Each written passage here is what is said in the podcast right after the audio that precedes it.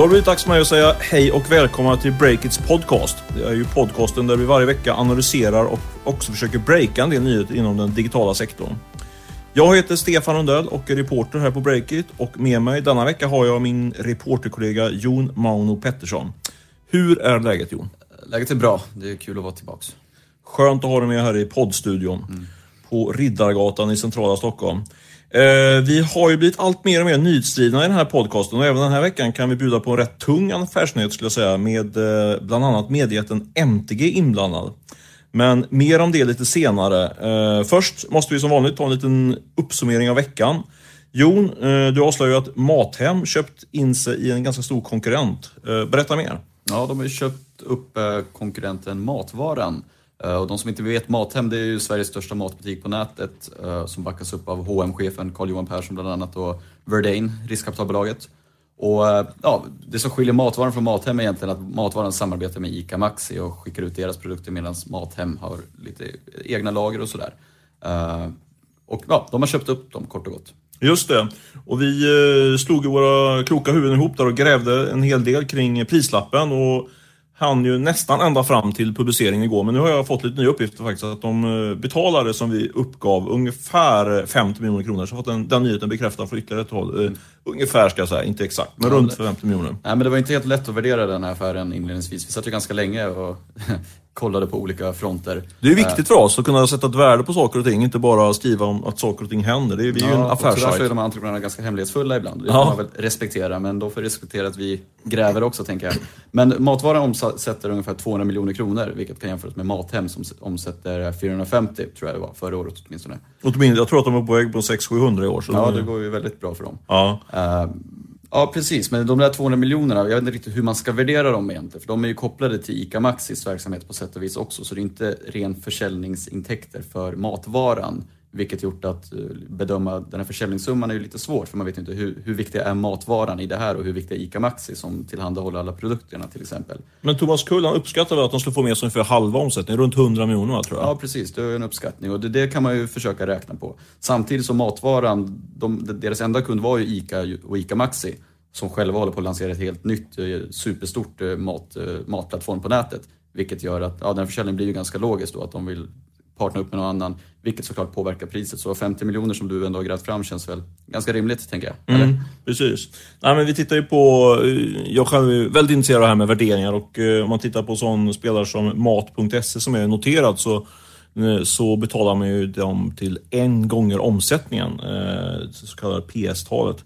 Eh, och det skulle indikera att, de, att om vi nu säger att, att den här matvaran skulle omsätta ungefär 100 så skulle det vara värt 100 miljoner kronor. Men det får bli en viss rabatt då med tanke på de, med, med de brasklapparna som du, som du presenterade här precis Johan. Mm. 50 miljoner, det är såklart pengar också, men det är ju inte i närheten av lika mycket som eh, betaltjänsten Bambora investerar i sin satsning i USA just nu. Du satt ju här på redaktionen sent igår kväll och ringde VDn som sitter där borta i, vad var han? Toronto eller något sånt där kanske? Mm. Vancouver? Ja, han satt, eh, just då satt han i Vancouver. Han sitter ju normalt sett i Stockholm på, på Bamboras huvudkontor. Känner du till Bambora? Absolut, vi har ju skrivit om dem förut, men jag har väl ingen eh, expert på Bambura kan jag inte påstå. Det är ett stort, stort betaltjänstbolag som är en sammanslagning av ett gäng olika mindre bolag. Mm. Typ. Ja men precis, det var ungefär så mycket som jag visste också. Men det var väl, därför tycker jag det var rätt intressant, förutom den här nyheten då som innebär att eh, att Bambura köper ett kanadensiskt bolag som heter Beanstream. Det var där, därför han satt i, i Kanada, eh, VDn Johan Tjärnberg. Eh, men jag tog tillfället i akt och pratade lite grann då såklart lite mer kring, med Johan. Vad, vad är egentligen Bambura? Eh, och det är lite så halvunikt måste man säga. Bakgrunden är så att eh, Johan var VD för ett annat betaltjänstbolag som heter Point som riskkapitalbolaget Nordic Capital var eh, stor investerare i. Eh, och det sa inte Johan till mig, men jag råkar veta att det är eh, en av de bästa affärerna som Nordic Capital gjort i deras historia. Och det vill inte säga lite. De har gjort väldigt många bra affärer. Och jag tror att de, eh, Johan Tjernberg och, och där på, på eh, Nordic Capital fick runt en miljard i samband med den här försäljningen. Mm. Ungefär. Lite, lite, lite osäkerhet på de uppgifterna. Hur som helst, jättebra affär. Och eh, det här som gör att det blir lite spännande, själva det här upplägget kring Bambora, det är att Johan Tjernberg och Nordic Capital identifierade eh, betaltjänstsektorn, den online-sektorn då, som en väldigt spännande sektor. Men det fanns inget bolag att köpa. Eh, så det, man gjorde egentligen en affärsplan och sen så dök det upp eh, bolag efter bolag som de har köpt ihop nu till en koncern som är då den här betaltjänstkoncernen Bambura. Mm. Så det är egentligen bakgrunden till till, till, till det här förvärvet då, som, är, som är ett riktigt stort förvärv. Det är ju totalt han vill inte säga hur mycket de investerar men, eh, i det här bolaget i Kanada, men totalt handlar det om investeringar på en miljard som det gör nu i eh, Nordamerika. Så det är ju liksom en, en stor, stor satsning från ett svenskt techbolag. Verkligen. Men ska man se det här som någon Klarna-dödare eller är de en helt annan bransch? Liksom, vad gör Bambora? Ja, de är ju i samma bransch man säga och eh, det de skiljer sig lite grann det är väl att eh, Bambura tar ju hand om både betalningen online och offline. Så de är en, en mer som säga, fullservicebyrå jämfört med, med Klarna. Men de, absolut så går de in och tar varandras kunder delvis. Eh, Beanstream, den här kan, eh, kanadensiska spelaren, har ju runt eh, 20 000 e-handlare redan idag som kunder. Så jag menar, det kan man jämföra med Klarna som går in på den amerikanska marknaden. Eh, typ eh, för ja, var det månad sedan ungefär. Så de har ju ett försprång kan man säga, eh, Bambora jämfört med Klarna. Spotify är väl det bolag som vi kanske rapporterar mest om här på breakit.se och även i podden. Och eh, Jon, du är ju vår eh, Spotify-reporter kan vi säga. Mm. Vad har hänt den här veckan? Har det hänt något spännande på Spotify-fronten? Ja, alltså det händer hela tiden en massa småsaker som blir stora som det handlar om just Spotify. Den stora frågan är dock fortsatt, liksom, hur, hur går det egentligen för Spotify nu efter att storkonkurrenten Apple Music tagit klivet in på marknaden? Det är väl egentligen den stora frågan på alla släppar. Just det. Och vad är svaret? Har du något svar? Nej, men det är ju kanske det man inte riktigt vet och det är därför det är den stora frågan. Uh, några hårda siffror finns inte att tillgå. Men uh, i samband med en konferens i Toronto för ett par dagar sedan konstaterade åtminstone Daniel Ek, Spotifys grundare och VD, att bolaget sätter nya rekord vecka efter vecka. Så det, vi får väl anta att det går bra då, eller? Vad tror du själv? Tror du, stämmer det att de eh, står rekord vecka efter vecka? Ja, men det tror jag absolut att det gör. Eh, att de växer är nog inget snack om. Och förutsätter vi att det han säger faktiskt är sant så bekräftar det också det Spotify-ägarna och anhängarna ofta brukar hävda då att när Apple kliver in eller Google kliver in då lyfter det hela branschen, vilket gynnar alla spelare, även de små och stora. Eh, och det är väl en helt rimlig liksom, analys, tycker jag. Hur tror du det går för Apple Music då? Ja, det är också lite oklart. Den enda siffran man har hört snurra runt, det var i augusti någon gång och det var 11 miljoner användare att man skulle ha då. Eh, det är ju i och för sig väldigt mycket på väldigt kort tid. Å andra sidan har ju, når de ju ut till extremt många människor. Så det är en väldigt liten andel av alla Apple-användare som har skaffat Apple Music. Och bör tilläggas att det är ju gratisanvändare, i princip alla. För de första tre månaderna får man testa på Apple Music gratis, vilket jag själv har gjort. Så jag räknas väl in i den här summan. Och jag med, och jag kommer inte förlänga tror jag. Ja, jag kommer förmodligen inte heller göra om inte det dyker upp ännu en Dr Dre-skiva som är exklusiv där. Typ. Så, ja, nej. Apple är förvarnade. Mm. Två stycken försvinner i alla fall. Precis. Nej, men så det, det är svårt att veta, men det är väldigt spännande att se hur det går. Men eh, känslan är väl att båda ökar. Frågan är vilka som ökar snabbast. Mm, mm. Men det låter väldigt rimligt liksom att, att ökat fokus på, på streaming gör att, eh, ja som du var inne på, det driver väl hela marknaden. Ja, men så är det väl på, i flera branscher. Och att konkurrensen ökar, det ser vi även här på hemmaplan. Idag skrev jag en artikel om att Spotify satsar väldigt mycket pengar på Google AdWords, vilket man tydligen inte har gjort alls förut i princip. Man har inte funnits med på en enda topplista, men enligt en ny analys från byrån Topdog nu så ligger man på tolfte plats över bolag som lägger mest pengar i Sverige på Google AdWords. Så det vittnar ju också om att konkurrensen är tuffare nu på musiktjänsten och att man vill synas ännu mer. Förut kanske var lite mer räkmacka och sådär. Men ska man tolka det direkt då till att Apple Music kommer in på marknaden? Att man ska försöka positionera? Eller vad det, man kan ju inte veta om man Nej, men han som står bakom den här analysen, eller sammanställningen kanske vi ska kalla det, Christian Rudolf på Topdog. Han hävdar ju att det är väl det man kan se det tydligaste, att Apple Music har kommit och sen nu plötsligt så satsar Spotify uppskattningsvis en halv miljon i månaden på Google AdWords bara i Sverige. Mm. Sen är ju frågan ja, om det nödvändigtvis hänger ihop, det vet vi ju inte såklart. Det kan ju också vara att de har fått in 4 miljarder i kapital och nu kan pumpa in ännu mer pengar på marknaden. Svårt att veta, men uh, inte omöjligt. Vi får passa frågan vidare till Daniel Ek. Det är bara att ringa. Den här veckan sponsras vi av Miss Hosting och de kör nu ett riktigt vasst erbjudande som innebär att man kan testa VPS helt gratis i 30 dagar. Jon, förklara, vad är VPS? Det kan jag absolut göra, men jag tänker att du får göra det idag. Underbart. Jag har faktiskt gjort lite research. Uh, VPS är en förkortning för Virtual Private Server är virtuell privat server på svenska. Eh, och som jag har förstått det så är det eh, liksom ett steget mellan ett eh, webbhotell och en dedikerad server. Med en VPS så får du tillgång till en virtuell server där du kan till exempel göra förändringar av lagutrymme, ramminne och IP-nummer utan att det påverkar då tillgängligheten till servern. Du har hela tiden tillgång till servern. Och Det är en fördel jämfört med en så kallad dedikerad server där du alltid har samma prestanda. Här blir det mer, en mer flexibilitet kan man säga. Förstår du nu vad VPS är för något Jon? Ja, hyfsat tror jag, men eh, jag är lite sugen på att ställa en följdfråga till dig, men jag ska nog inte göra det tror jag. Nej, gör inte det. Det här är inte helt enkelt att maltera, men jag, jag föreslår att eh, ni som tycker att detta låter spännande, eh, gå in och kolla direkt på Miss Hosting, eller varför inte via någon utav bannersna som ligger på breakit.se. Där får ni mer information och de första 30 dagarna är alltså helt gratis. Mm, absolut. Spana in det så tackar vi Miss Hosting för den här veckan. Men Stefan, du avslöjade förra veckan att Zalando har blivit blåsta på 175 mille.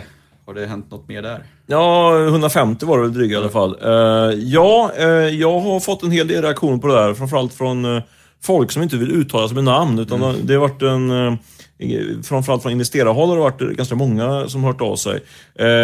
och det är intressant det där. De, de ställde bland annat in, Kinnevik som är storägare i Zalando, de ställde faktiskt in en, en konferens som hade fokus på e-handel som de skulle ha med sina investerare här idag, tror jag det var. Eh, mm. Eh, vilket ytterligare spär på den där lilla osäkerheten som jag upplever nu finns kring Zalando. Men skulle det finnas någon koppling till eh, det där? Eller är det bara allmänt att Zalando är lite i gungning? Eller vad ska man... Ja, det är väl mer så liksom att eh, nu hände... Var, varför gör, ställer man in det på kort varsel? Vad är det? Alltså det, det är väl i den här allmänna, allmänna ja, osäkerheten skulle jag säga kring Zalando som finns nu ändå, som jag upplever på bland vissa eh, ganska stora investerare på, på marknaden. Mm. Eh, och det där späs ju på av att eh, e-handelsjätten Alibaba som följer, följer som en sten här på, på börsen i början av veckan efter en eh, granskande artikel i Forbes, tror jag det var, där man ifrågasatte eh, faktiskt bokföringen eh, i det bolaget. Eh, och det där, alltså det, det, det finns, jag ska inte säga att det finns eh, oklarheter i bokföringen på Zalando, även om det är en del som som ringer och, och pitchar det för mig kan jag väl avslöja. Men, eh, men det finns ändå just det, här, det är ändå mycket pengar, 150 miljoner bort, eller om det var 175, jag har inte siffran exakt i huvudet. Eh, och en som jag pratar med som kan framträda med namn, det är Daniel Mühlbach som är VD för för eh, Footway, den stora skosajten som är en konkurrent till Zalando. Han tyckte det var väldigt märkligt att man inte liksom eh, att inte varningsklockorna ringde tidigare, liksom att det fick pågå så länge innan man satte stopp för den här för den här scammen som de var utsatta för. För det syns ju liksom, de, de följer ju i princip på, på daglig eller timbasis hur, hur faktureringen går och vilka som betalar och inte betalar så att säga. Så det var ju det var liksom en sån grej som gör att man, man tycker att hur, hur står det till egentligen på Zalando? En annan datapunkt som, som en del eh, pekar på är ju att eh, flera stora insiders har, har sålt, börjat sälja av aktier i, i Zalando. Det har ju skett de senaste månaderna.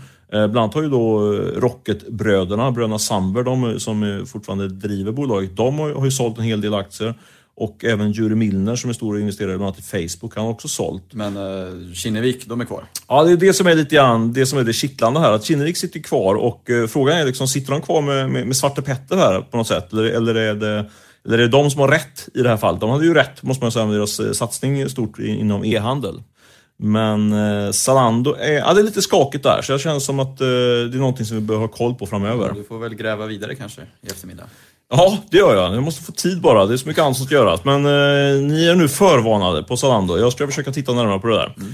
Eh, och även alla mina journalistkonkurrenter får nog detta tipset. Men det bjuder jag på. Eh, en sak som jag i alla fall hunnit gräva, gräva klart kring, det är eh, MTG och en eventuellt ny storaffär faktiskt. Just det, var det du hintade lite om i början av podden.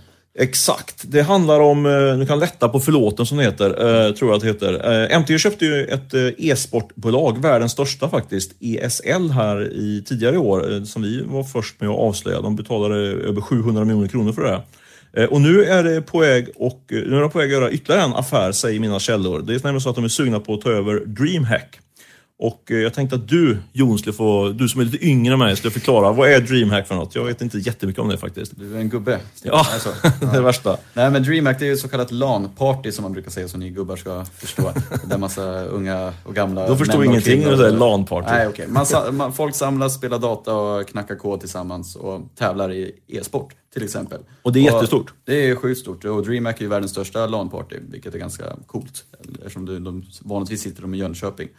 Numera så har de även expanderat och ska vara i London nu ganska snart och sådär. Men de har funnits väldigt länge. 2001 tror jag var första gången de körde i Jönköping men det var ett kompisgäng som drog igång det redan 94 tror jag. Mm. Eh, man tävlar och spelar spel och umgås med datorer.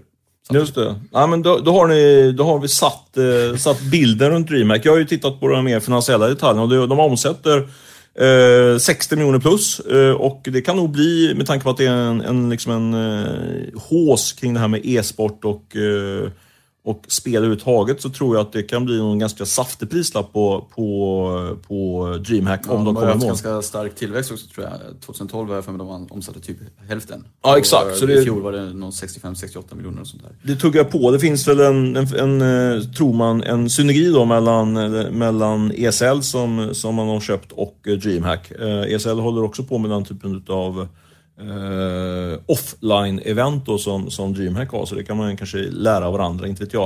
Eh, men t- eh, källorna säger i alla fall att, att en sådan affär är under uppsegling. Det är inte klart där, men det, men det pågår eh, diskussioner mellan, mellan MT och de, eh, de gamla ägarna. Eller de nuvarande ägarna. Eh, och de har ju redan sedan tidigare ett samarbete med MTG DreamHack via bland annat TV6 som sände e-sport-SM här bara för, för någon, veck, någon vecka sedan eller två. Men varför är MTG så intresserade av e-sport?